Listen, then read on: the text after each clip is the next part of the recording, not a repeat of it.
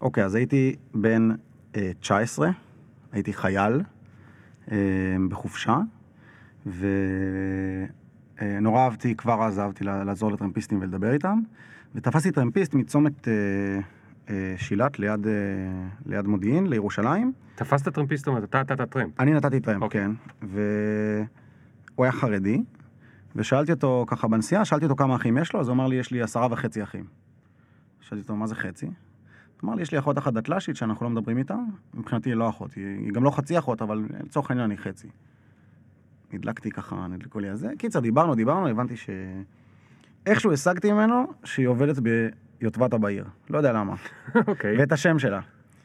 וזהו, הורדתי אותו בירושלים, ואני התחלתי להפליג במחשבותיי על איך אני מגיע ליוטבתה בעיר, בתל אביב, ואני רואה אותה שם, את הבחורה הזאת, נקרא לה לצורך העניין רותי, ו... ואנחנו מתחתנים. מה? לא יודע למה. החלטת שאתה מתחתן עם החלטתי, ה... לא יודע אוקיי. למה, אבל החלטתי, לא רק שאני גם אלך לשם ואפגוש אותה, אני גם, זה גם יהיה סיפור אהבה, וגם דמיינתי אותה יפהפייה. קיצור, עברו הזמנים, ואני מוצא את עצמי בקנון עזריאלי, ויש שם את יוטבתה בעיר. Hmm. אז אני הולך, לת- ל... אני הולך לשם, ואני אומר, שלום, יש לכם אה, עובדת שקוראים לה רותי? אז מסתכל עליי מישהו ואומר לי, למה? אמרתי לו, אני מחפש אותה. פגשתי את אח שלה בטרמפ, אה, אני רוצה, אני רוצה... סיפור מאוד אמין, פגשתי אותך לא בטרמפ. לא, באמת, זה מה שאמרתי. אוקיי. אז הוא אמר, היא לא פה, היא עובדת בסניף שלנו על הים. טוב. לא, לא, לא הלכתי לים, לא הייתי כזה אובסס. כן. ואז איזה כמה... לא כמה היית לחוץ חתונה. איזה כמה שבועות אחרי זה, אז, אז הלכנו כמה חבר'ה לים, היינו ירושלמים. וכשאתה הולך לים, אז זה, זה אירוע, הולכים לים. והלכתי, ואמרתי, אני יודע לאיזה ים אני רוצה ללכת. לים שליד אה, יוטבתה בעיר. הכננו את האוטו, ואני כזה עם מטקה ועם גיטרה, ועם שקית ועם גופייה וזה, נכנס לשם. אני נכנס לזה, ואני נכנס ליוטבתה בעיר, ואני אומר, שלום, אני פוגש איזה מישהו, ואני אומר, שלום. אה, אה, רותי אני מחפש פה? מישהי שקוראים לה רותי, שעובדת פה, ו... והבחורה שפניתי אליה מתחילה לצרוח עליי. מה אתה רוצה מהחיים שלי? מי מכיר אותך בכלל? מה אתה רודף אחריי? מי שלח אותך? אתה באת אליי לעזריאלי? אתה זה, צא מפה. עוף מפה. ואני הייתי בשוק. א', כי היא הייתה מאוד לא מה שדמיינתי, נגיד את זה ככה, וב', כי היא ממש כעסה עליי, ולא עשיתי כלום. רק הרגשתי שיש פה סיפור, אני אפילו לא יודע למה הלכתי לשם, אבל הרגשתי שיש פה סיפור. כן. ואני אני לא אשכח את זה, א', obviously, א', הייתי עם חברים שלי, אז כאילו, זה היה כזה השפלה מולם. ב', fucking בית קפה, הומה, של אנשים שמסתכלים על מלצרית צורחת עליי. כן. זהו, נמלטתי משם, וזה היה אירוע רע בחיים מעולם שלי. לא חזרת אליה. לא, אין לי מושג. תגיד, למה אתה חושב שהיא ככה כעסה? לדעתי, היא נכנסה לאיזה מין לופים ש... שאח שלה לכלך, כאילו אני נציג של המשפחה או משהו כזה, לדעתי. אה, שאתה כאילו. בא ל- להרע לה. אני מבין אותה, מה אני רוצה מחייה? כן. כאילו מסרתי לבוס שלה, בזה, שהכיר את שני הסניפים כנראה, מסרתי לו את הידע שאני קשור לאחיה. כן. את זה כן היה לה. תגיד, אם היינו נגיד לפני 5,000 שנה, זה דווקא היה לגיטימי, לא? מה? שמעתי, פגשתי את אחיך במסע מירושלים ל... אני חושב שגם עכשיו זה לגיטימי, אה, כאילו פשוט הייתי צריך לעשות את זה נכון, הייתי צריך לעשות את זה כזה באלגנטיות. אני עכשיו נגיד, סתם אני אומר, אני בן אדם שהוא דוקומנטריסט, אני מחפש סיפורים. אז אני יכול להגיד, אני יכול למצוא את עצמי, ניגש ליוטבתה בעיר היום ואומר, שלום, קוראים לי יאיר, אני במאי דוקומנטרי, פגשתי במקרה את האח שלך, ככה וככה קרה, Hmm, נראה לי שיש פה סיפור, רוצה. לשבת איתי לקפה, כאילו, משהו. כן, פשוט לא היה לי את ההזדמנות הזאת, וגם לא הייתי, הייתי ילד, כאילו. כן. זה היה נורא. זה היה נורא, ואני זוכר את עצמי בים, בדיכאון, לא מצליח ליהנות, נורא. נשרפת? בים, כן. בטוח נשרפתי. אבל היה לי פחות קרה. גם אצלה נשרפת. טוב, יאיר אגמון. יש לך. שם של אה, משהו עם מוזיאון. מח"ט, יש לי שם של מח"ט. יש לך. גם שם של מח"ט. נכון? סגן אלוף אה, יאיר אגמון. היית יכול להיות, אה, אתה יודע, לרוץ לממשלה. תת אלוף, אתה רוצה לרוץ לממשלה? לא תודה. לא תודה. לא התבלבלת אפילו. אז אה, יאיר, אנחנו מכירים מהסדרה האלופה שלך, וואי וואי וואי, שהפכה להיות אה, הצלחה גדולה, אה, על פי יודעי דבר, ונגיד שאנחנו יודעי דבר. אה, ורציתי שתספר איך זה להיות דוקומנטריסט. אתה עובד על עוד סדרות, עשית עוד סדרות, אתה גם כותב, אה, אתה גם הוצאת ספר, נכון? הוצאתי חמישה. הוצאת חמישה, השם ישמור, אתה גם כותב את הפוסט הכי יפה ומרגש שיש בפייסבוק פעם בשבוע, לא אמרתי לך את זה מעולם. איזה חמוד. כי עד היום בקושי דיברנו, כי כשרצינו לדבר אז אף פעם לא היה זמן, נכון, אז אה, טוב שנפגשים מה שנקרא. חמוד. אה, פוסט מדהים ואני אני חושב שזה היחיד שאני אומר, אני כל הזמן אומר לאנשים, ת, ת, לכו תעשו follow, כי, ואז see first בפייסבוק, גדול. אה, אם אתם מתחברים, כן? אה, אז נדבר הרבה על איך זה להיות סוג של, אתה יודע, יוצר בשנת 2019 במדינת ישראל, זה בטח חרא בגדול, אבל כאילו תספר איך זה, כי זה גם כיף. אה, ניתן שנייה כבוד למוזיקה? יאללה. אוקיי, אז מתחילים בעוד שנייה. Yeah. Boop, boop, boop, boop. One time. Look. Ring the alarm, hot ass nigga. Big ass head so my dreams get bigger. Big campaign songs so my flows get sicker. Confidence אתה. שמח להיות פה? כן. לא, כאילו, אתה יודע, אומרים לך, בוא נדבר עליך שעה. לא, זה כיף, זה כיף. אני גם שמעתי תוכניות אחרות, אז אני יודע שזה מאוד אה, כיפי ואני נוח, אז כן, אני שמח להיות פה. לא מפחיד אותך. אתה גם אחלה גבר, אני... היה לי גם כיף איתך בצילומים, היה צחוקים. כן, אבל אז כאילו זה היה מערכת יחסים הפוכה, אתה לא נכון. יודע איך אני ב... אז זהו, שאני כן יודע, כי שמעתי, מה אני אעשה? אני יודע שאני- שיהיה בסדר. אוקיי, אז, אז מה, אז תגיד, מה, מה רצית להיות כשהיית קטן? מורה? רצית להיות מורה. כן. זה הצליח? אה, חלקית. כאילו, זה נורא שאלה של כמה קטן, כי נגיד, אני אתן לך אה, זיכרון ליבה, שקראתי ספר של יהודה אטלס, כילד, ספר שנקרא אה, והילד הזה הוא אני, או גם הילד הזה הוא אני, יש לו כן. מין סדרה כזאת של שירים. זה הספר. כן, כן, כן, זה ספר נורא... ו... וקראתי שם איזה שיר שהוא מספר איך אימא שלו מכניסה את היד לסוודר ושולפת משם את, ה... את החולצה. אוקיי. והוא מתאר בשיר, אני לא זוכר בדיוק את השיר, אנחנו נוכל בטח למצוא את זה, אבל הוא מתאר בשיר איזה רגע מתוק זה. Hmm. ואני זוכר את עצמי כילד, ממש ילד כיתה ב', למה כיתה ב' עוד מעט אני אגיד לך, אה, אה, קורא את זה ואומר לעצמי, אה, האיש הזה מבין אותי. כלומר, אני, הוא כאילו קלט אותי כזה, אתה מבין? וזה נורא ריגש אותי שמישהו אה, זיהה לי רגש שלי, כאילו עזר לי להבין את עצמי, נגיד את זה כן, ככה. כן. לא היה לי אז את המילים האלה של מה שאני אומר לך עכשיו, אבל בעומק העניין זה מה שהרגשתי, ו- ו- ונורא התחלתי להריץ סופרים, בגלל זה כאילו. ו- Hmm. כן, זה היה מין רגע של, של רציתי להיות אה, סופר, ורציתי ל... אה, וקראתי המון, הייתי ילד נורא נורא חנון, גדלתי במשפחה חד-הורית אה, בבית דתי-לאומי, ואימא שלי היא גם אשת ספר כזה, אז היא דחפה אותי כל הזמן לקרוא. איפה זה היה? בגילו גדלת? בירושלים. בגילו. שכונת, שכונת גילו בירושלים. ו... ואני זוכר שיום אחד יהודה אטלס הגיע לבית ספר שבו למדתי, וזה היה מפגש מכיתות ג' ומעלה. ואני הייתי בכיתה ב' ולא הכניסו אותי. או, זה נורא נשברתי. לימים ראיתי סרטון שלו ביוטיוב ונדהמתי שככה הוא נראה ומדבר. כי זה כי דמיינת מישהו אחר. הוא היה, לא, הוא היה, לא יודע, לא מתוק כל כך. דמיינתי אותו נורא מתוק. טוב, כי אתה יודע, הוא כתב ספרי ילדים, אז הוא ניסה להיות מתוק שם. יכול להיות, אבל לא, אי אפשר שהוא לא אבל, שהוא אבל לא אתה יודע, מתוק. הוא, הוא, אפילו לא, הוא אפילו לא ניסה להיות מתוחכם מדי, בקטע טוב, הוא קרא לספר והילד הזה הוא אני. זאת אומרת, הוא שם את זה על השולחן. אני, המטרה שלי זה ליצור איתך הזדהות, ושגם אתה תרגיש כמו הילד הזה. אה, שאגב, זה קצת מאוד, זה מאוד מנוגד לסיפור כאילו של דור ה-Y, של כאילו אני מיוחד. כי הילד הזה הוא אני, זה קנו לכל הילדים את הזה. נכון, נכון, כולם היו הם, כולם היו הילד. כולם אותו ילד, כולם רוצים מתנה, כולם רוצים שיבואו ליום הולדת שלהם, כולם רוצים שאמא תוציא להם את הזה מהסוודר. כן, אבל עדיין היה משהו נורא, אה, נורא ספציפי בבחירות שלו, של השירים, נראה לי. כן. ברגעים שהוא זי- זיהה כילד, רגע- רגעים... אה, ועד מתי רצית להיות סופר? לא, אז זה משהו שהתחיל, בסדר? זה, והייתי נורא, הייתי קורא הרבה וכאלה, ומעריץ סופרים, הייתי כזה, זוכר, אני זוכר את עצמי כילד בירושלים, בכל פעם שהיה כזה מפגש עם סופר כלשהו, אז נת, נ, נ, הלכתי להגיע, ניסיתי להגיע לשם, ואז בתיכון כבר אה, רציתי להיות מורה. כאילו, המורים שלי נורא היו משמעותיים בשבילי, ונורא נורא רציתי את עצמי, ראיתי את עצמי אה, מורה. מורה למה? מורה למחנך, לא, Mm. לא, לא היה לי אכפת כל כך למה. ספרות, היסטוריה, עולם של מדעי הרוח.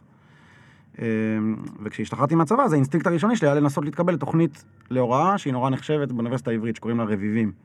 תוכנית כזה של ארבע שנים, שאתה מקבל תואר שני, ויש מלגה, ופגשתי כמה חברים שלי, היו לי כמה חברים שלמדו שם, ואחות של אשתי למדה שם, היא הייתה אז חברה שלי, אה, ולא התקבלתי אליה.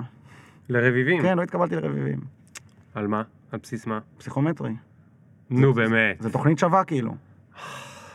מה נעשה בפסיכומטריה הדפוק למה? הזה? דווקא בדיעבד זה היה מתנה גדולה.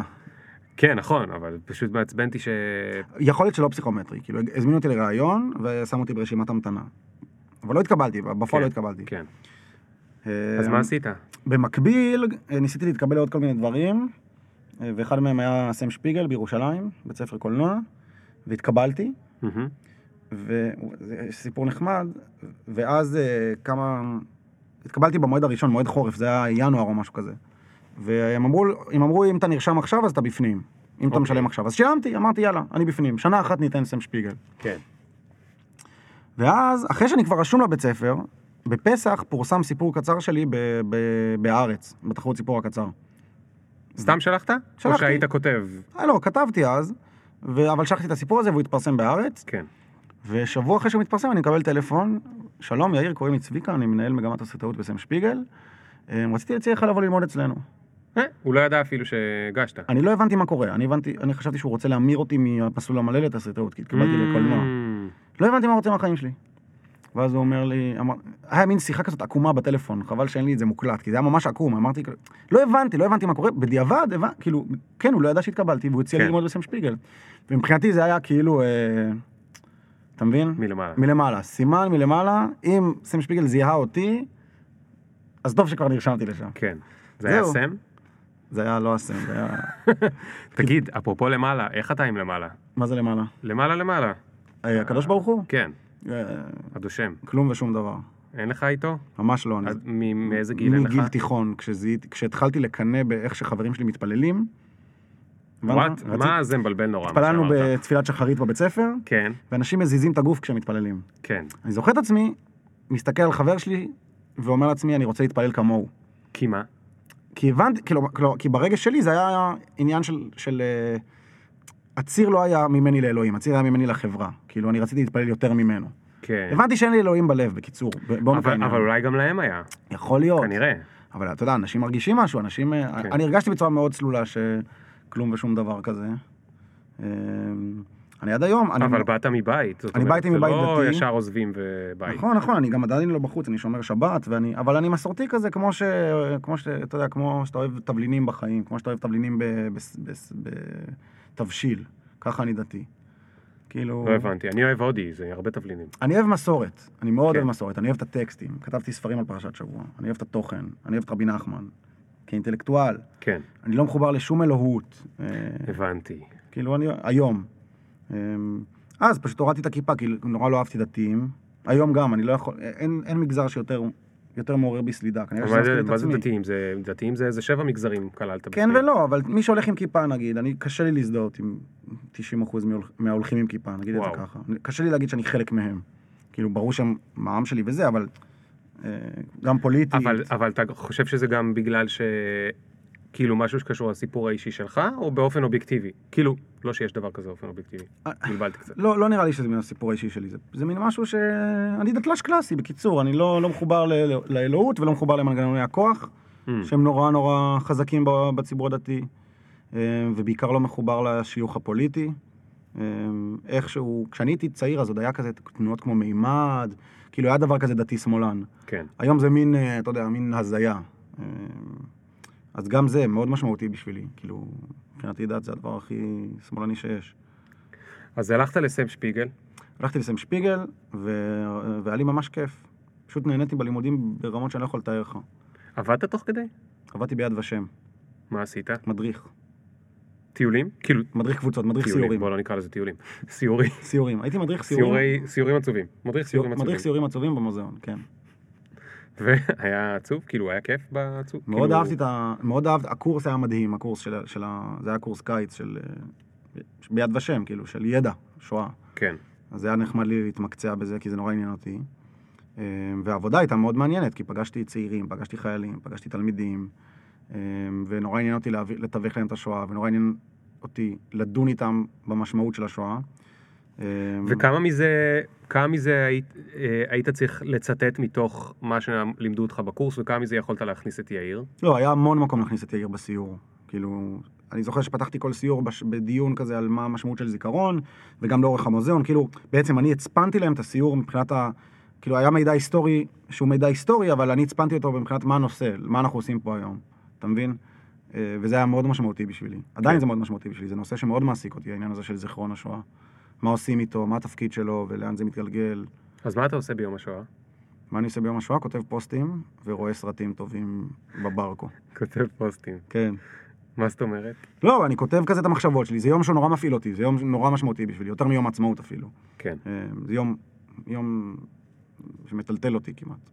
ואתה מרגיש במובן הזה יותר זקן מהדור שלך, או ש- שאתה רואה עוד אנשים שהם ככה? לא יודע אם אני זקן, אבל אני שואפיל, כאילו, אני אוהב את זה. אני, כמו אנשים שאוהבים היסטוריה, אז כן. אני אוהב שואה, מאוד. אה, אהבתי, האמת היא עכשיו, עכשיו הרבה פחות, מאז שפוטרתי משם. מאיפה פוטרת? מיד. ושם. פוטרת? פוטרתי. מה עשית? הייתה בוסית ששנאה אותי. תיעבה אותי. למה? איך אפשר? היא- אתה מאוד לייקבל. היא פרסונה כזאת, אה, קשה מאוד ורעה מאוד. אני לא אנקוב בשמה. אוקיי, אבל בצד שלך, מה... אין איזה חלק בצד שלך? איזה אחוז? לא, מה... איפה עוד דקרת לה? לא, דקרתי לה בהרבה דברים. שהייתי כאילו פרי ספיריט, והייתי כזה... אמ, אמ, וואלה, אני אפילו לא יודע להגיד. היא כאילו, היא ניצלה, עשיתי דברים שכל המדריכים עושים, אבל, היא, אבל אותי היא תפסה, אוקיי, ואז לא, היא, אבל- היא ממש התעללה בי. אבל היא כזאת, היא מסמנת אנשים ומעיפה אותם. אני, אני אחד ברשימה ענקית של אנשים שהיא העיפה. הבנתי. אמ, וזה, אני ניסיתי לעשות מזה בלאגן. באופן, רגע, באופן כללי, בחיים, בצבא, בתיכון וזה, איך הסתדרת עם מרות? טוב, בצבא פרחתי, הייתי קצין. אה, מה זה פרחתי? היה לי כיף במערכת, נקרא, לזה ככה. בסם קצין. שפיגל הייתי תלמיד קצין טוב מה? מאוד. איזה קצין בנחל, אה, בנחל. כן. קרבי קרבי, כאילו. קרבי, קרבי. קרבי, קרבי. כאילו, יש... הייתי בשכם, שירתתי בשכם. נו, זה נראה לי מאוד קרבי, לא? לא, לא, היה קרבי מאוד שם. כאילו, תלוי בשנה, אבל... היה קרבי מאוד. תמיד לא נעים. היה רע, כן. אמ, לא, אבל ביד ושם זה באמת סיפור עצוב, כי נורא, נורא אהבתי את העבודה, והיא נורא שנאה אותי, וזה פשוט, היא פשוט ניצחה. הובסתי. ובסם שפיגל, תגיד, בסם שפיגל יש מרות שהיא גם לא קשורה לבוסים, אלא יש מרות של אה, ביקורת על העבודות, כיוצר. נכון. איך, איך אתה עם זה? זה, זה לא פייר להגיד את זה, כי הייתי תלמיד אהוב, אתה מבין? וזה לא... סם שפיגל לדעתי מחולק נורא לחוויה של תלמידים אהובים ותלמידים פחות אהובים, ואני הייתי בצד האהוב. אוקיי. להיות תלמיד אהוב זה אומר שמאשרים לך סרטים, מאשרים לך פרויקטים, אתה, אתה זוכה לעשות את השיט שלך, אתה מבין? מפרגנים לך על השיט שלך. התקבלתי לפסטיבלים בשנה ג' בלימודים, כבר הייתי בטרייבקה. כאילו, אבל למה היית אהוב? כאילו, מה... שאהבו אותי. לא, אבל למה? אני מניח שחשבו שאני מוכשר, וכי הייתי חנון, הייתי תלמיד טוב מאוד. כאילו הייתי הזה שיושב עם אה, מחברת ורושם. כי זה באמת עניין אותי, כן. אהבתי ללמוד. למדתי גם בישיבה לפני, ה... לפני הצבא, אז כאילו, הלימוד היה מין כלי כזה ש... אם למדת בישיבה, זה בטח עוד היה קל יחסית, כאילו... מה, סם שפיגל? כן. זה לא אותו דבר, אין מה להשוות. זה לא היה קל בכלל. זה לימודים קשים, כי הם אה, אינטנסיביים והם אה, הם, הם, כאילו בכוונה מביאים אותך למקומות קשים. יש לי חבר טוב שהוא... אולי אתה מכיר אותו טיפה, טל אלמוג. אה, הוא מתעסק בווידאו וזה, כל מיני אה, עניינים כאלה, ו... אני למדתי בהיסטוריה פילוסופיה תואר שני כשהוא למד במקסיקו, בתל אביב, מקסיקו. בבניין מקסיקו באוניברסיטת תל אביב, כן. קולנוע. ובהפסקות, אני הייתי בקפיטריית גילמן, שזה כל הפילוסופים וההיסטוריונים וכל הבנות של גילמן, שתמיד אומרים עליהם הבנות של גילמן וזה, ולא יכולתי לסבול את זה כי היה יותר מדי, אה, לא יודע, מין חיים בסרט. אז הלכתי למקסיקו, ששם גם הם חיו בסרט, אבל כאילו יותר אהבתי את הסרט ששם הם חיו. כן, הם עוד יותר. אבל זה... לא, הם מאוד יותר סנובים, אבל הם גם יותר, אה, היו יותר... אה, כאילו הם הצליחו לקחת את עצמם בצחוק תוך כדי שהם הבנתי, אה, היו נחמד. סנובים, אוקיי. ואיכשהו התחברתי לזה יותר. ומה שמאוד שמתי לב, אצלו ואצל החבר'ה שלו, זה שהרוב בקושי יצרו משהו בתואר שלהם. זאת אומרת, היה להם משימות וזה וזה וזה, אבל הם בקושי, כאילו בסוף סיימו את הלימודים, היה להם אולי שניים, שלושה דברים שהם עשו. הוא ספציפית היה מאוד כזה חרוץ, אז הוא צילם מלא מלא מלא מלא מלא, כמובן זה היה shit, כי הוא עוד לא ידע כלום מהחיים שלו. היום הוא טוב, אבל הוא... והוא כל הזמן היה אומר לי, תראה, אני לא מבין מה הם עושים פה. יושבים פה על הדשא, כמה הם יכולים לשבת על הדשא? בסדר, יושבים על הדשא, סמסטר שתיים, כמה יושבים, יצאו מהאוניברסיטה, מה יהיה להם? והוא הלך להיות פרילנסר אחרי זה. מה, מה אתה חושב לגבי לימודים? ש, ש... זה מצחיק, כי זה כאילו עכשיו, אנחנו בסדרה שלך, וזה מה שאתה שאלת אותי, אבל אתה חושב שבזמן לימודים אמורים ליהנות מהלימודים, או שאמורים לעשות עשייה של ממש? אני אגיד לך, א', אני מאוד מזדהה עם מה שסיפרת, ומילה אחת קפצה לי במה שאמרת, וזה המילה חרוץ. כאילו, בסוף מי ש... בסוף כל דבר, זו אמירה הכי, הכי פלקטית בעולם, אבל כל דבר זה מה שתעשה ממנו. כל דבר, אתה מבין? אה, העבודה שלך זה מה שתעשה ממנה. אתה יכול להיות ככה, ואתה יכול להיות, עם, כאילו, להיות דואר בתוך העבודה ולעשות עוד דברים תוך... כל דבר, כנ"ל הלימודים. כאילו, כן, אני אגיד לך משהו דווקא כמרצה. אני עכשיו מרצה בבית ספר שבו למדתי, בסם שפיגל, מרצה לסדרות רשת. ואני זוכר את עצמי יושב מול חבר'ה, תלמידים, ששילמו כסף לבית ספר פרטי שלא יביא להם תואר או משהו כזה, והם יושבים בכיתה והם לא עשו את השיעורי בית.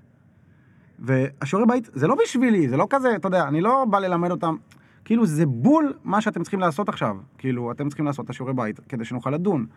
ואני זוכר את עצמי, חושב לעצמי, איך, מה אתם עושים פה? מלא כסף, מלא זמן, ואתם יושבים בשיעור כבר. באתם לשיעור שלי, לא עשיתם שיעורי בית. כאילו, זה זה היכה אותי בתדהמה, שהאופציה הזאת בכלל קיימת. אמ, אז איך אתה מסביר אותה היום, גם אחרי כל הסדרה אני שלך? לא מבין את זה, אני לא מבין את זה. אתה מאשים את הדור, דור ה-Y הזה? אתה אין כאילו, אתה... זה לא האשמה, זה גם לא, לדעתי לא קשור לדור, זה קשור למנטליות, כאילו, כאילו... אני, אני חושב שהרבה יותר מכישרון, נגיד הכישרון הייתי שם אותו מקום שלישי. אתמול בדיוק דיברתי עם איזה סטודנט שלי שהצטרף אליי לאיזה יום של צילומים, שהיה לי אתמול. אמ, אז אמרתי לו שכישרון מבחינתי זה מקום שלישי. אז מה השניים? אחד, אנחנו מדברים על תעשיית הקולנוע לצורך העניין, כן. אבל אני מניח שאפשר לה- להרחיב את זה. אז אחד זה באמת להיות חרוץ, להיות בן אדם ש, שעושה דברים. יש הגשה, מגישים. יש אה, פרויקט, מנסים. כאילו דור, דחפן כזה, לא יודע מה השם, אבל כן, דואר, או חרוץ, כן, איש חרוץ. אה, והדבר השני זה לדעת לשחק את המשחק. כאילו, אני, אני לא יודע איך לקרוא לזה ב, ב, בשם אה, יותר מדויק. מה, אה, פו- פוליטיקאי? פוליטיקאי זה לא מילה טובה, אבל סתם אני אומר, בוא ניקח את הדוגמה של קולנוע, אם אתה רוצה לביים סרט קולנוע, אז יכול להיות שהדבר הראשון שצריך לעשות זה בכלל לכתוב מסמך פתייני לקרן הקולנוע, אתה מבין? Mm. ולא לכתוב תסריט. כן. כאילו, להבין את המשחק. יש משחק בעולם, לכל, בכל כן, מקום יש כן, משחק. את המטריקס. כן, כן, ולשחק את החוקים שלו, וגם ליהנות מזה.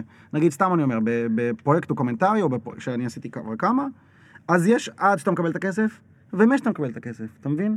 ועד שאתה מקבל את הכסף אתה צריך להיות איש מכירות בכלל. זה בכלל לא, it's not about אומנות בכלל. ומשאתה מקבל את הכסף, בואנה, עכשיו, בעל- עכשיו צריך ליצור משהו. כן. זה משחק אחר לגמרי, וההבנה של זה כשני כובעים, איפה, אה. איפה קיבלת את התובנה? זו תובנה מדהימה, שאגב, כולם לומדים אותה, רק חלק בגיל 80 וחלק בגיל 20. איפה קיבלת את התובנה הזאת? לא יודע.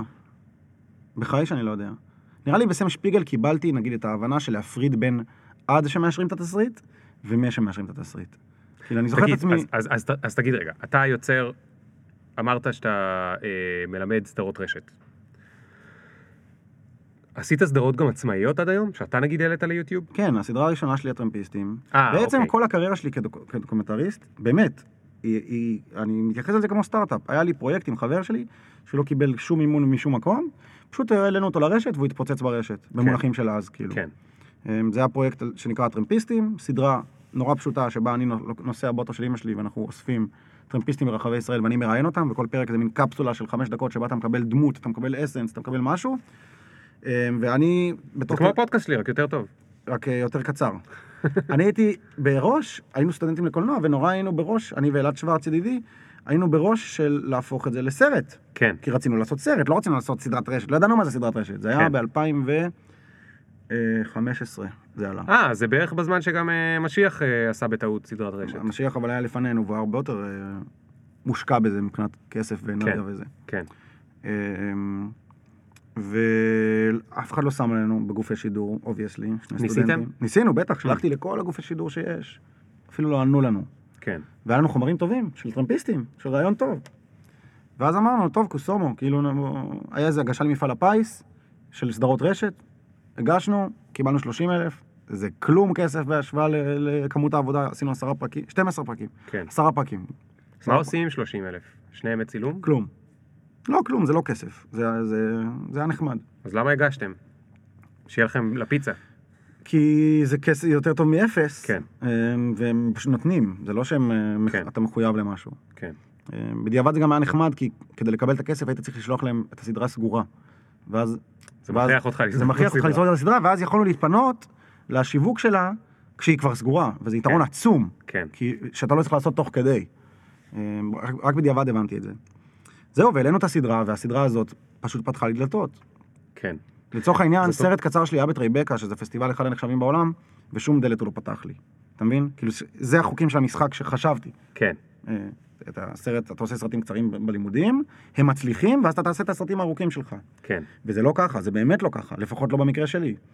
לא, בעוד הרבה מקרים, כי גם אה, אודי כגן הלך ועשה את זה בעצמו כדי שאחר כך מאקו ייקחו אותו, נכון? ובעצם כל מי שאנחנו אה, מכירים, זה, זאת אומרת, בתקופה האחרונה זה הרבה יותר ככה, וזה ממש, זה מה שאמרנו קצת לפני שלא נחזור על כל הדברים, אבל רגע לפני שהתחלנו להקליט, זה ה... הסיפור הזה של אוטוריטות, הוא הופך להיות שונה מאוד. אה, אני חושב שהרבה אנשים משקיעים את האנרגיה במקום הלא נכון, בלמצוא חן בעיני האוטוריטות, כמו שג'יימס אלטושר, סופר טוב מאוד לפרקים גדולים, ולפרקים אחרים נודניק, פרנואיד ומעצבן, אז יש לו ספר שנקרא Choose Yourself, וכל הפואנטה שלו שם זה, אה, חביבי, מה האוטוריטות עכשיו? תבחר בעצמך. די, יש אמזון, יש זה, יש יוטיוב, יש זה, מה אתה רוצה? מה אתה רוצה? אתה רוצה לחכות שיבחרו בך, יחכו עד מחר. אבל, אתה אמרת, עד ההגשה, עד הקרן ואחרי הקרן. עד הכסף ומהכסף. עד הכסף ומהכסף. אוקיי. אחרי ש... once שעשית את אה, הטרמפיסטים, החלטת שאתה כן חוזר למשחק ההוא, אחרי שכבר ידעת שיש דלתות פתוחות? תראה, בעולם של ה... איך ידעת כאילו to assess? איך לא- ידעת... ל- לא ידעתי שיש דלתות פתוחות. לא ידעתי אוקיי. שיש דלתות פתוחות. ויש לי, אם אתה תפתח עכשיו את המחשב שלי, תראה שהלפטופ שלי בצד ימין זה פרויקטים שעשיתי, ובצד שמאל זה פרויקטים שכנראה לעולם לא יקרו, אבל הם שם. כאילו, מלא- כל הזמן יש לי דברים ורעיונות ודברים ש... אחד מהם היה סרט שרציתי לעשות על ההורים שלי. וזה אגב הפרויקט שהיה לי אחרי. אחרי. אחרי הטרמפיסטים. זה היה אה, סרט שביימתי על אימא שלי ועל אבא שלי, אבל שוב, אף אחד לא היה מציץ עליי על פרויקט כזה. סתם סרט משפחה של סתם בן אדם. כן, אף אחד לא היה מציץ עליי אם לא היה לי את ההצלחה של הטרמפיסטים. כן. והתאגיד, כשהוקם, חטיבת הדיגיטל, אז הם קראו לנו עם הטרמפיסטים, קנו את העונה הראשונה והשקיעו בעונה שנייה. מדהים. אתה מבין? כן. וזה פתח לי את הדלתות, כלומר, ומשם כבר הדברים כן התחילו לזוז, פתאום כן התחילו להגיע הצעות. וואי וואי וואי, זה היה תולדה של ההצלחה של הטרמפיסטים. כן. וואי וואי, זו הסדרה שביימתי. זה היה תולדה של ההצלחה של הטרמפיסטים, ההצלחה של רחל אגמון, הסרט שעשיתי, ואת כל הדברים האלה, באמת, ב- זה לא עכשיו, אני לא סתם מנסה זה, באמת לא הייתי יכול להגיע אליהם אם לא היה לי את הקבלה של הצפיות והתגובות של העונה הראשונה של הטרמפיסטים, שגם זכתה ל... אתה יודע, ביקורות, הארץ, אני יודע, זה כאילו, כן. זה כן היה הצלחה. ואתה חושב שזה... שזה כאילו פייר בראש שלך? זה, זה התהליך הפיירי? או כאילו, למה הם לא יכולים לדעת שאני מוצלח גם בלי שאני עושה משהו בעצמי? לא יודע אם זה פייר, אבל יש בזה איזשהו היגיון, אה, היגיון אה, נקי. כי, כי, כי מי שגרם להצלחה של הטרמפיסטים זה באמת כזה הקהל, אתה מבין? ולא מקבלי החלטות. באמת אנשים הגיבו לזה, באמת אנשים שיתפו את זה. כן. מעמוד שהיה בו לייק אחד, הגענו ל... לא יודע מה, 50 אלף צפיות לפרק, לפרק אחד, ואז זה היה מטורף מבחינתנו. היום אני הגעתי לחצי מיליון כבר עם העונה, עם העונה השנייה. אז מבחינתנו זה היה אירוע מטורף, והוא היה באמת אורגני, ואנשים כן זיהו את זה. וברגע שאנשים מזהים דבר כזה, אז הם רוצים את הדבר הזה אצלם. כן. אגב, זה, אני, זה בדיוק מה שאני אומר בקורס שלי בסם שפיגל, כי בבית ספר שבו למדתי, אז ההכוונה היא נורא, לס, תעשו סרט קצר טוב, שיצליח בפסטיבלים. ואני אומר להם, לסטודנטים, תקשיבו, יא מפגרים, תשקיעו את המניות שלכם במשהו שהרבה אנשים יראו. כן. אם יש לכם כישרון, שימו אותו שם, זה יצליח הרבה יותר. כאילו, אם תעשו סדרת רשת טובה, העולם יגיב אליה, העולם יגיב לתוכן טוב ברשת. אנשים עדיין בפייסבוק, אנשים עדיין עם אף בפייסבוק. כן. כל עוד אז אנשים שם- הולכים לשיעור אחד ואומרים להם את ה... תעשו טרייבקה, ואז הם הולכים לשיעור שלך ואתה אומר להם ההפך? כן, אבל הם לא, הם לא, אני חלש. ב... שאל אותי כמה פרויקטים, באמת, למדתי עכשיו שנה ג' כן. בסם שפיגל, כמה פרויקטים מתוך הפרויקטים האלה קרו? אחד. אפס. כן. אז למה? לדעתך. אמ, א', אז אה, אני מול מערכת, כאילו, כן. המערכת של הבית ספר שבו אני מלמד, ואני אוהב את הבית ספר הזה, למדתי אותו, למדתי בו, כאילו, אני, אני, כן. אני בעדו, אבל המערכת עדיין בראש של סרטים קצרים, שזה, וזה גם יש בזה היגיון, אתה יודע, זה בית ספר לקולנוע. כן. אמ, ו, ואני חושב שאם היה- אם היה להם חובה, סתם אני אומר, או אופציה של לעשות, אה, נגיד, אני אתן לך דוגמה אחרת, יש בחור שקוראים לו יובל, שהחליט לפני שנה שהסרט גמר שלו לא יהיה סרט גמר, אלא הוא עושה סדרת רשת. והוא צילם שלושה פרקים. והש... והסדרת הרשת הזאת, עכשיו התאגיד קנו אותה, מדהים. והשקיעו בה, הם לקחו את הפרק הקיים והם הם משקיעים בעוד חמישה פרקים. מדהים. כמה מהחבריו לכיתה שבימו סרטים עשו משהו עם הסרט הקצר שלהם? כמה מהם ביקשו מהם לפתח את הקצר לפיצ'ר? אמ, אפס. זה מדהים, זה מדהים כמה חזק העולם הישן. וה, הוא חזק בטירוף. וכמה, הוא בכל מקום הזרועות שלו, ויש מכניזם שמתחזק את עצמו, ולמי שלמעלה גם יש הרבה אינטרסים שזה ימשיך לתחזק את עצמו, כי, כי ביוטיוב הכל פרוץ. וכשהכל פרוץ, אז אין לי באמת כוח אם אני בעל השררה. אין לי באמת כוח, אני לא באמת שולט. אם כל, כל ילד יכול, או, או כמו שבטח אתה שומע לפעמים בזה, אם כל ילד יכול לערוך אה, בפרימייר, אז מה בעצם, מה עושה אותנו ליותר אה, זה? אז אנחנו נדאג שרק הילדים האלו שלמדו, כאילו ערכו בפרימייר, אבל גם הם עשו את הסרט שזה, כן. והגישו לו טריבקה, אז... אבל תגיד, עד מתי זה יחזיק לדעתך? כי- רגע, לפני כי- זה אני אגיד כי- ש- שמה שמעניין בשיחה איתך זה שלך יש לונג שוט של זה. כי אתה מדבר עם הרבה אנשים מהרבה אזורים, מהרבה שדות, נכון? אני כן. כאילו, אתה יודע, אני יכול לדבר על השדה של הקולנוע, ולהגיד לך שכן, זה מורכב. מצד אחד הכסף נמצא במקום אחד, כלומר, מה- מהסדרות הרשת שלא התפרנסתי, שיהיה ברור, ומהסדרה של התאגיד התפרנס- התפרנסתי יפה מאוד, כאילו, במשך שנה זה הצליח להחזיק אותי. כן. אתה מבין? כלומר, הכסף כן נמצא בטלוויזיה, נקרא לזה, ובקולנוע. אני לא יודע איך זה בשדות אחרים, אבל כן, מה זה, שאמרת. אמ, זה תלוי מאוד. יש שדות שבהם דווקא ללכת בצורה עצמאית, זו הדרך לעשות את הכסף. נגיד, סופרים עצמאיים שהולך להם, עושים באמזון הרבה יותר כסף משהיו עושים בהוצאת ספרים. אה, כי הוצאת ספרים, יש לה מקום, ל, נגיד בארצות הברית, יש לה מקום ל... לא יודע מה. עשרה ספרים שהם הולכים לקדם השנה. מתוך כל ה-350 מיליון אמריקאים, אז מתוכם נגיד יש, לא יודע מה, מיליון שרוצים לכתוב, ויש, לא יודע מה, 100 אלף שבסוף הוציאו ספר, עשרה הם הולכים לקדם. הם. חייבים, לא יכולים לקדם כל יום ספר אחר, כן. כי, כי זה יבלבל, הם צריכים לעשות לכל ספר קמפיין, ואת הבחור הזה לשלוח לטלוויזיה ולרדיו, אז בסוף הולכים עשרה, וזה בכלל לא משנה, יכול להיות שזה באמת העשרה הכי טובים, אני לא יודע, לאו דווקא,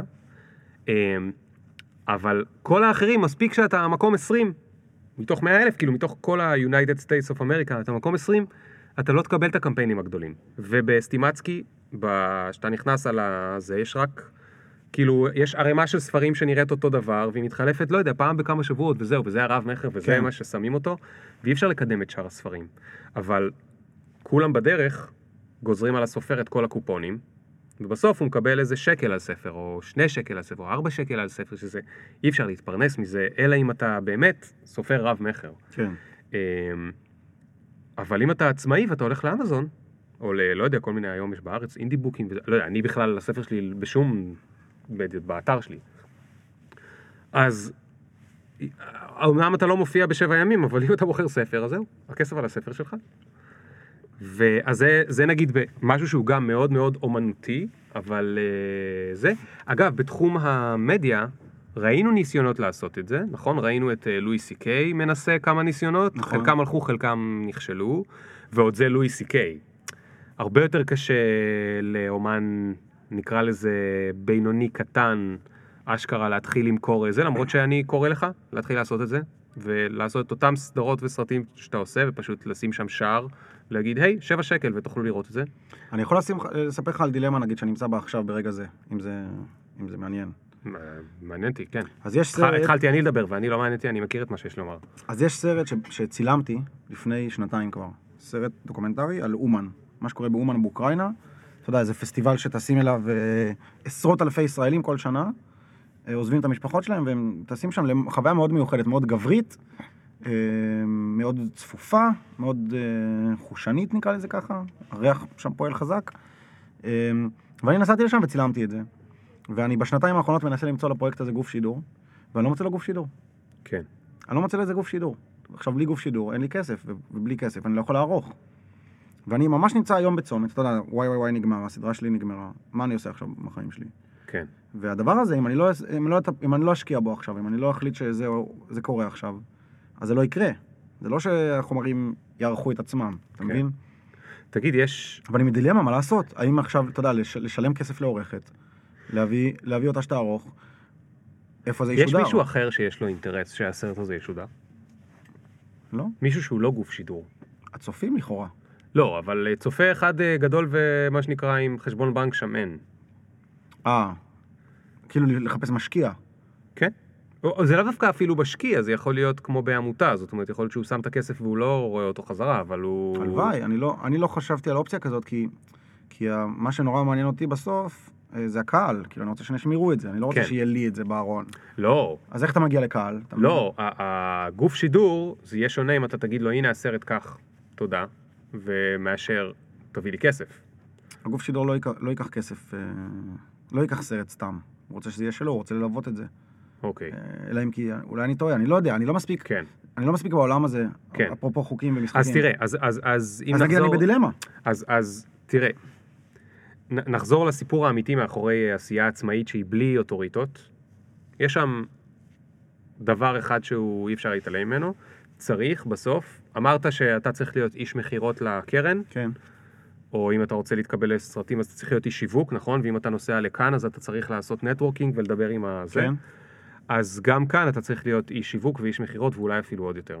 או מסכים. לעבוד עם מישהו אחר. אבל אתה יכול לעשות את זה בצורה עצמאית, אבל צריך מישהו שידע ללוות את זה ולקדם את זה. ראיתי, אה, לא זוכר מי זה, לא מזמן ראיתי איזשהו סטנדאפיסט בארץ, הוא מוכר את הסטנדאפ שלו דרך פייסבוק. בפייסבוק אתה רואה, אתה מקבל עמוד ואתה נכנס ואתה צריך לשלם, לא יודע, איזה 20 שקל? בוא'נה, אני קניתי. אני אפילו לא הכרתי אותו. אשכרה. כן, רציתי היה? לראות, ראיתי, הוא שם כזה את הטריילר, זה חמש דקות, צחקתי. רציתי עכשיו לראות משהו, היה 20 שקל, אמרתי, 20 שקל, לא ישים, ישים. שמתי. 20 שקל שמת? כן. זה הרבה כסף. תשווה למה? לנטפליקס, אנא ערף. תשווה למה? נכון. אבל, אבל תשווה רגע למה, זה היופי. כשאתה גר ב, במדינה עם יוקר מחיה, אני רוצה עכשיו to have fun. מה אני יכול לעשות עם 20 שקל? כלום. הדבר היחיד היותר fun מ- רגע, ואיך היה? 20 שקל מהסטנדאפ, זה ללכת לכזה משחקייה של אה, פעם, ושיתנו לי עם ה-20 שקל מלא כרטיסים ואני אלך לכמה מכונות. איך היה- אני- איך היה הסטנדאפ? היה טוב. היה טוב? היה, לא היה פצצה, עובדה, אני לא? זוכר אפילו את השם שלו, היה שווה יותר מ-20 שקל. כן? ישבתי, צחקתי. כן. אשכרה. ישבתי, צחקתי. ישבתי, צחקתי. ואתה יודע מה, זה לא משנה. זה ש... זה ש... אני לא הייתי שם 20 שקל על סטנדאפ. עד לא, בסדר, אבל כי אולי אתה צעד אחד מאחוריי ב...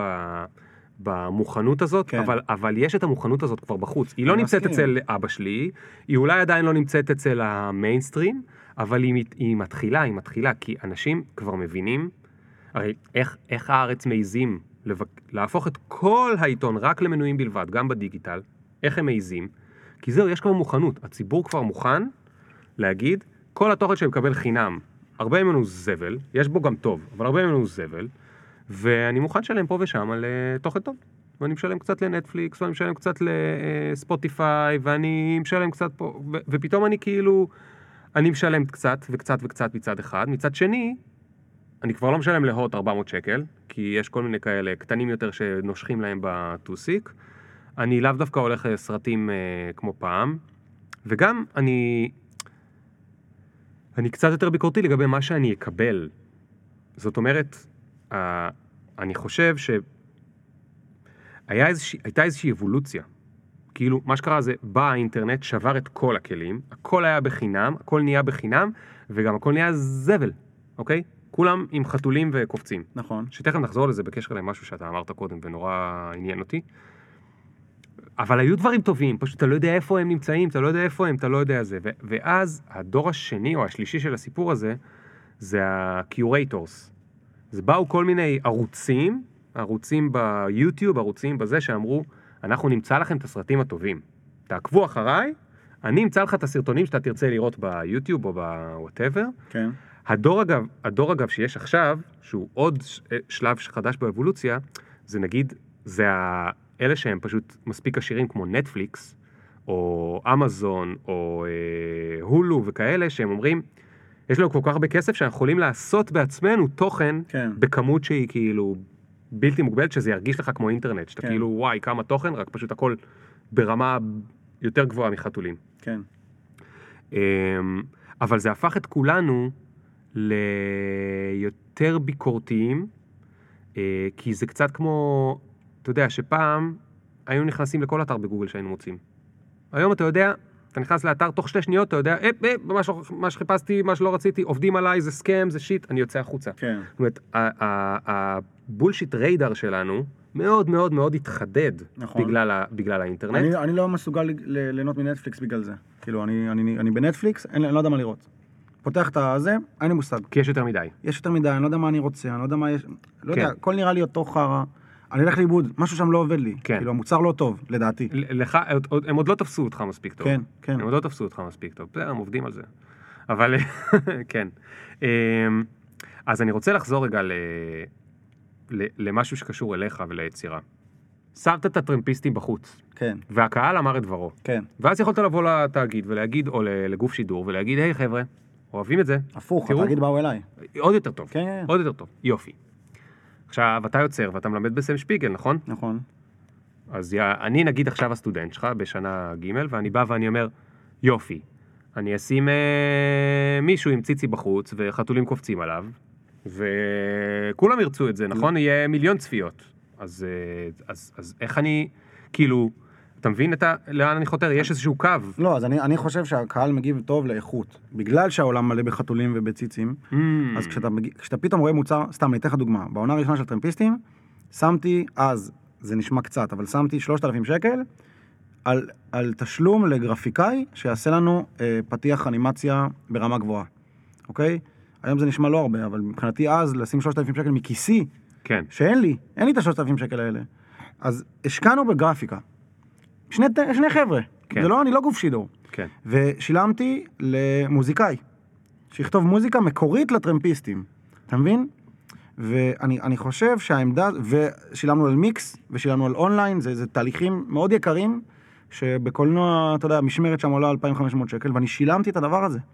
למה? כי אמרתי, יהיה מוצר טוב. יהיה מוצר טוב, אה, ונורא נורא היה ברור לשנינו, לי ולאלעד, השותף שלי, שאנחנו רוצים פה משהו שהוא ברמה גבוהה, והשקענו, אני חושב על, יש שם, הפרקים הם של חמש דקות, ויש עליהם איזה שש משמרות עריכה על כל אחד. כאילו, אז, ה- ה- הזמן על כל דקה הוא מהגבוהים שיש. אני לא יודע אם זה מורגש, אני מניח שכן, אבל הרעיון הוא שאתה בפייסבוק, יש לך סאבלט, יש לך תמונה של חתול, יש לך, אה, לא יודע מה, אה, טרמפ לירושלים, ופתאום יש לך את הדבר הזה, וזה בולט לך. למה? כי אתה מרגיש שמישהו השקיע בך. כי זה טוב. כי זה טוב. אפילו לא טוב, אלא מושקע, השקיעו בזה כסף. אני חושב, אגב, שהסרטונים שקופצים לנו ושאנחנו מבלים בהם זמן, הם סרטונים שאתה מרגיש שהשקיעו בך עכשיו. אמ, ביוטיוב זה נורא כזה, נכון? אתה, אתה רואה איזה קליפ מטורף, אתה אומר לעצמך, אוקיי, אוקיי, יש פה איזה מיליארד דולר מול הפרצוף שלי. אמ, וכנ"ל לגבי כל סרטון, כאילו, סרטון טוב, אתה אומר לעצמך, יש פה מוצר. וזה יותר מזה, אנשים מתחילים בינג' בגלל זה, הם מחפשים את פרק 2, הם מחפשים את פרק 3. כן. עד היום אני מקבל תגובות על אנשים שנקלעו במקרה בפייסבוק לפרק אחד של הטרמפיסטים מהעונה הראשונה, אני מדבר איתך על 2015, כן? זה כבר עב- עברו מים בירקון. והם ראו את כל הסדרה והם רוצים לכתוב לי הודעה כי הם ראו את כל הסדרה. כן. אז אני, זה מה שאני אומר גם לסטודנטים שלי, תעמידו מוצר טוב, תשקיעו בקהל שלכם. אמ, אבל תגיד, מה אם... אה, מה אם אני לא יודע, אתה יודע מה, אני אתן לך את זה באנלוגיה במקום אחר. תן לי אה, אה, מוזיקה שאהבת נגיד בזמן התיכון. יש לך איזה להקה שקופצת? אה, רדיואד? או ישראלית? אה, משהו אחר, חוץ מרדיואד? אה, משינה? זה יצא, זה כמו אני כאילו... רגע, סקס? קלף אחר, יצא לי קלף אחר. סתם. חלק מהלהקות האלה, לא חשוב מה דעתי על איזה מהם, בחלקן, איך שאתה שומע את זה, זה קליט. נכון. בחלקן, נגיד חלק מהאלבומים של משינה, אתה שומע את זה, אתה אומר, אה, לא זה, אבל, אתה אומר, בואנה, אני יודע שהם טובים, נכון. ואני אוהב אותם, אני איתם. אני אשמע את זה 12 פעם, ובפעם ה-12 אתה אומר, יואו, עכשיו הכל התחבר. זה הערצה. ואז אתה רוצה לשמוע הרגש. את זה 80 פעם. נכון. נכון, במפלצות הארם ושיא הרגש, נכון, זה ככה.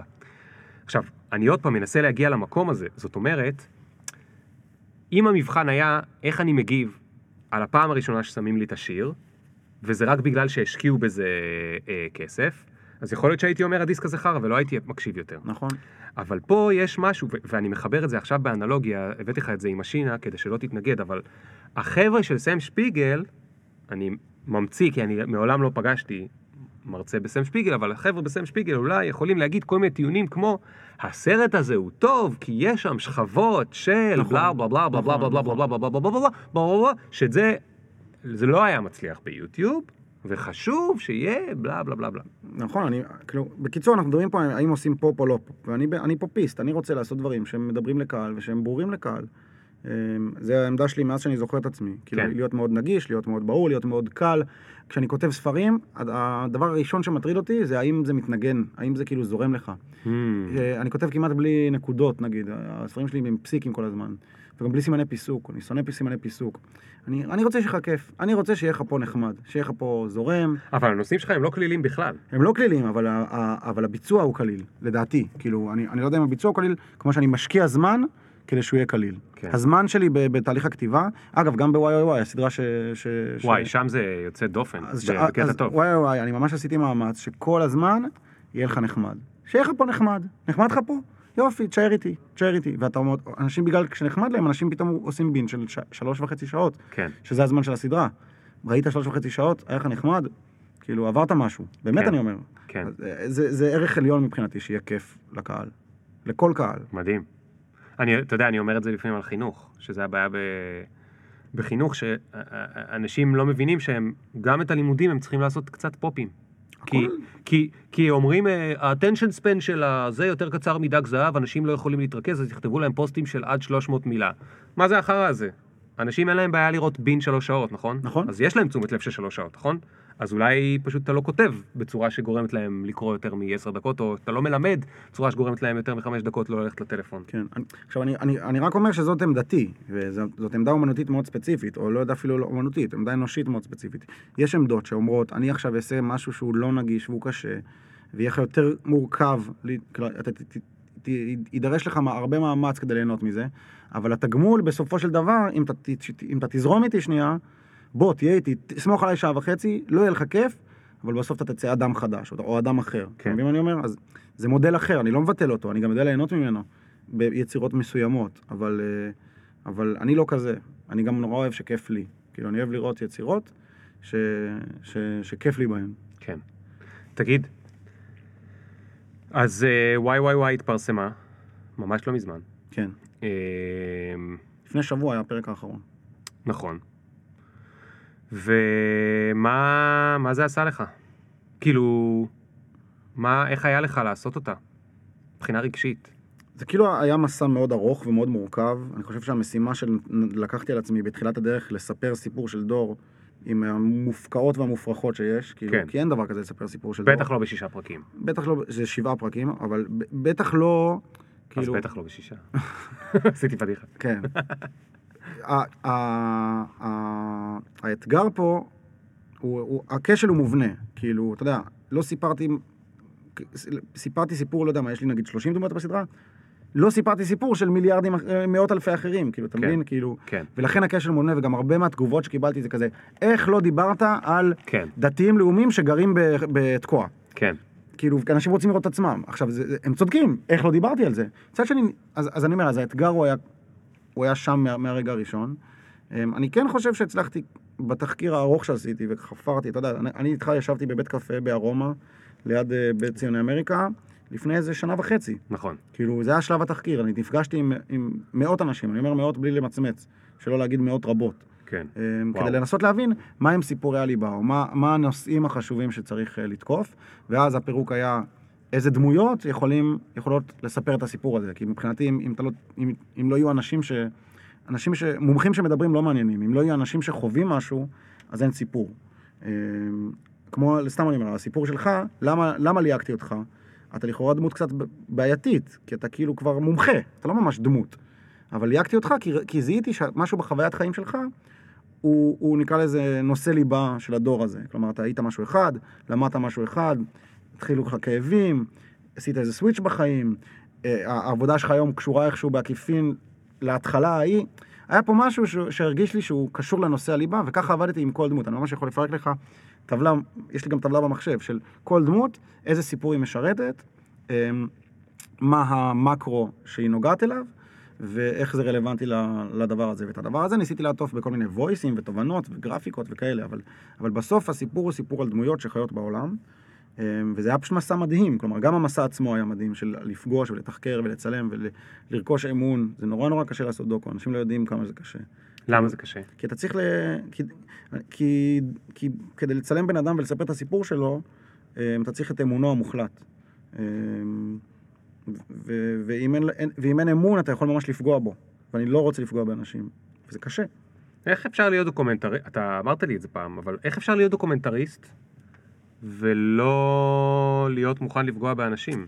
זה, זה קשה. אה, זה גם מגביל את הדברים שאתה תוכל אי לעשות, אפשר לא? להיות, אנשים נפגעו כבר בדברים שעשיתי, אנשים מאוד נפגעו גם, אה, אי אפשר להיות. אה, אבל אפשר להתאמץ לכבד אנשים, ואפשר להתאמץ לאהוב אנשים, ורוב הדמויות, נראה לי כל הדמויות שסיימתי בסדרה הזאת ספציפית, אז שמחו במופע שלהם, שזה מאוד מאוד נדיר. כן. שמע, אני אגיד לך משהו אה, גורף, כל מי שמצטלם לדוקו הוא טיפש. למה? כי אני יכול בעריכה להקליט את עצמי שואל שאלה, למצוא סינק שלך אומר את המילה כן, ואז, אתה מבין? זה, כן. ועשיתי את זה גם, זה דברים שאני עושה. כי כל דוקומנטריסט עושה את זה, כי ככה, ככה מספרים סיפור בדוקו. כן. אז ברגע שאתה נותן אמון בבן אדם, ונותן לו את את היכולת, אתה אומר את המילה כן, אני יכול להקליט את עצמי אה, שואל שאלה, האם אתה אה, מיזוגן שוביניסט? אתה מבין? אני יכול להוציא אותך מיזוגן שוביניסט, באמת אני יכול להוציא אותך. אין לי שום בעיה לעשות את זה, זה ככה אני עושה את זה. אז כל מי שמצטלם טיפש. אתה באמת חושב ככה? כן. אתה יודע שאני יכול לערוך את הפודקאסט הזה? כן? כל מי שמצטלם טיפש. כן, כן, לא, לא, אני נותן לך את אמון, אמוני, באמת אני כן, אומר, יש כן. פה עניין של אמון. כל בן אדם שמצטלם לדוקו נותן אמון. אני יכול לספר לך שאני הזעתי פעמיים אחרי שצילמת אותי.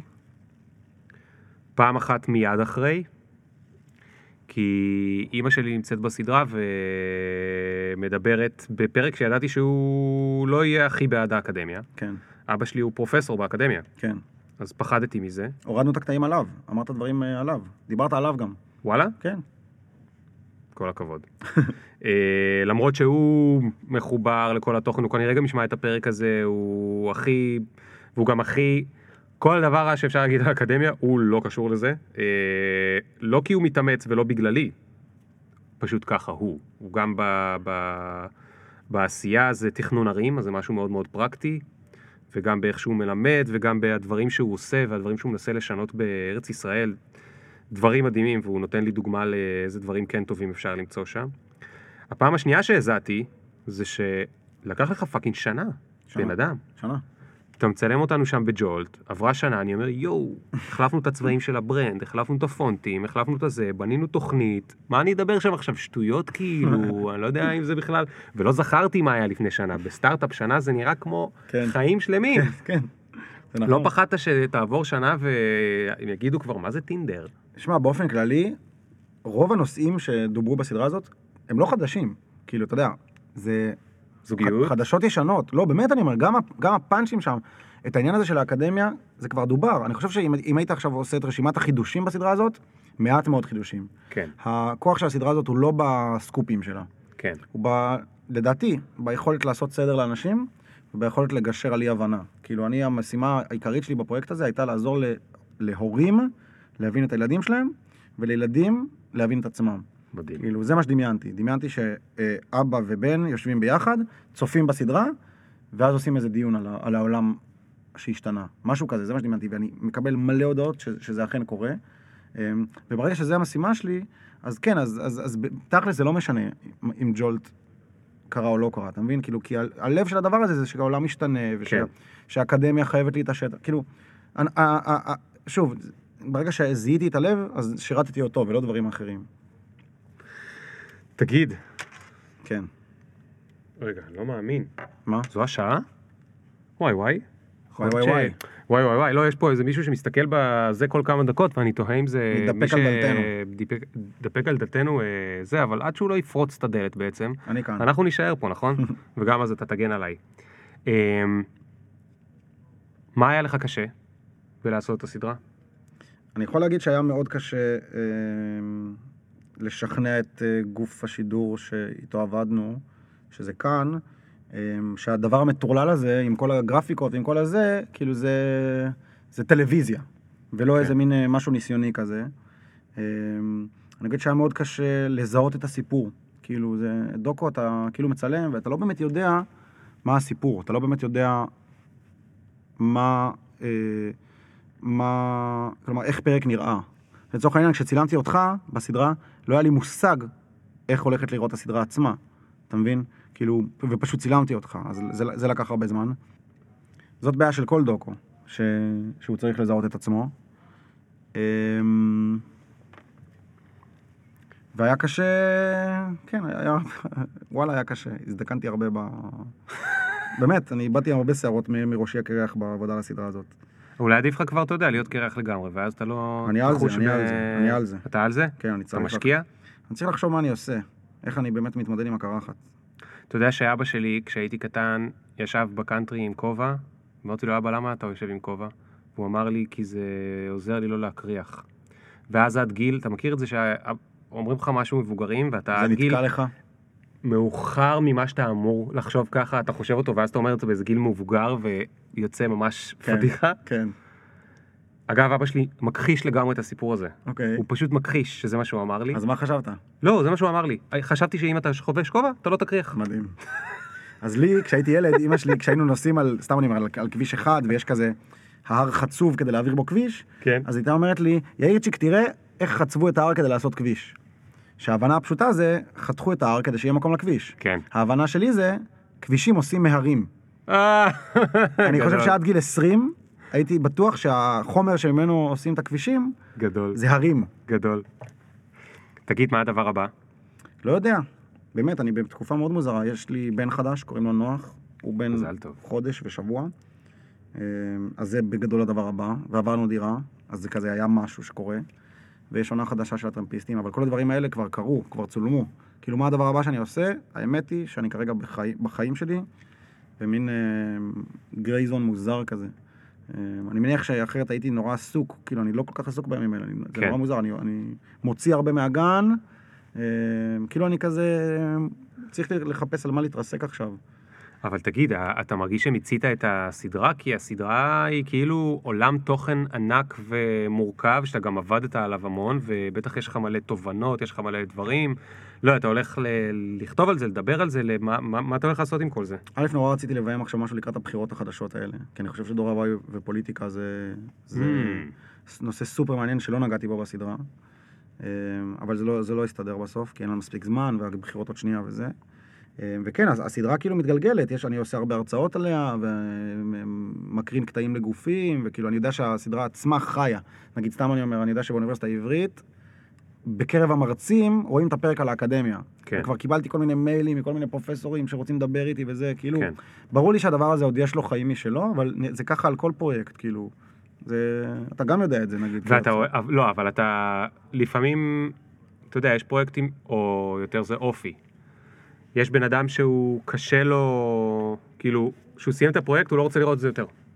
ויש מישהו שהוא יותר נוסטלגי ורוצה דווקא להפך, להוציא כמה שיותר מה... כן. אז, אז, אז מי אתה? אז לא יודע, זה קרה לפני שבוע שזה נגמר, בעצם הבאז נגמר, נגמר שודר הפרק האחרון, כאילו היה תגובות יפות, סבבה.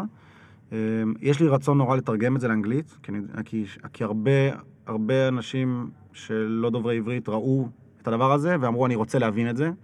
אבל רק subtitles, אתה מתכוון לא, לעשות את זה גם מחדש? גרפיקה- לא, לא, לא מחדש, אלא כאילו לעשות אריזה מחדש על הדבר אוקיי. הזה באנגלית. אוקיי, אבל עם ישראלים. עם ישראלים, כן, אותו דבר. הנה, דופקים על הדלת. אתם לקראת סיום? חברים? כן, עוד עשר שניות. כן? נכון? זה לא עד וחצי? לא, זה עד ארבע. אבל בסדר, לא נורא. וואי, סליחה, וואי, טוב, וואי, אתה וואי. מוקלט, זה גם... לא אם זה לא היית אתה, אני כבר מזמן הייתי פורץ. וואי, אה, וואי, אתה, וואי, וואי. וואי, ממש סליחה. לא, הכל בסדר. ממש סליחה. אה, פשוט לא נהנה ממנו. אני מבחינתי להישאר פה כל היום. לא, תודה, לא, סליחה, אנחנו- סליחה. עכשיו זה נגמר. תודה. אמ, יאללה. שמע, שתי? שני, אם לא היית אתה, שני צלצולי אה, אה, אייפון ופודקאסט שנגמר לא בזמן. בואנה, אתה יודע למה זה למי- קטע מיוחד. מה הפדיחה שלך, כפרה? אני, יש לי אלף פדיחות. אז? הנה, יש לך עכשיו בלייב. אני יכול לעשות פרקים רק על פדיחות. אין, אין כמו פדיחות, זה מה ש... רק כשאתה גדול אבל אתה יודע ליהנות מהם. נכון, נכון, כשאתה קטן אתה רק תאכל מהם סרטים. נכון. טוב, יאללה, בוא נסיים. אה, בוא נעשה את השאלה המשותפת. האמת שהגענו לשעה, זה, זה דווקא טוב. אני לא מאמין שאני מאחר לו בחצי שעה, מסכן הבן אדם. תגיד, אתה עכשיו טס על מטוס, המטוס נוחת, הוא מתרסק לתוך סלע, אתה אומר לעצמך, איזה באסה שלא הספקתי, לכתוב עוד מלא ספרים. איזה יופי. אז אה, אתה תכתוב מלא ספרים? כן. תקשיב, יאיר, המון המון המון תודה. היה כיף. אני לא שבעתי בכלל, אז אנחנו נעשה עוד פרק. יאללה. בסדר? עוד איזה חצי שנה ככה, אני אזמין אותך שוב. גדול. ונדבר על דברים אחרים, כי דיברנו רק על אה, צדדים מאוד ספציפיים של הפופ והאומנות. אבל היה נחמד, היה בסדר? היה עשר. היה עשר, אתה יודע, עכשיו אתה תחכה שנה, אני אפרסם את זה עוד שנה, אני אערוך את זה אחרת. זה תהיה אני נקמה יפה. אכניס את אימא שלך לזה, ונראה איך אתה תישן בלילה. סתם, סתם. אה, תודה לכולם, תודה לרייז שערכו אותנו בחדר פודקאסט שלהם. אה, זה היה פרק 130 ומשהו. מי יודע. אה, וזהו, עד הפעם הבאה, תודה יאיר.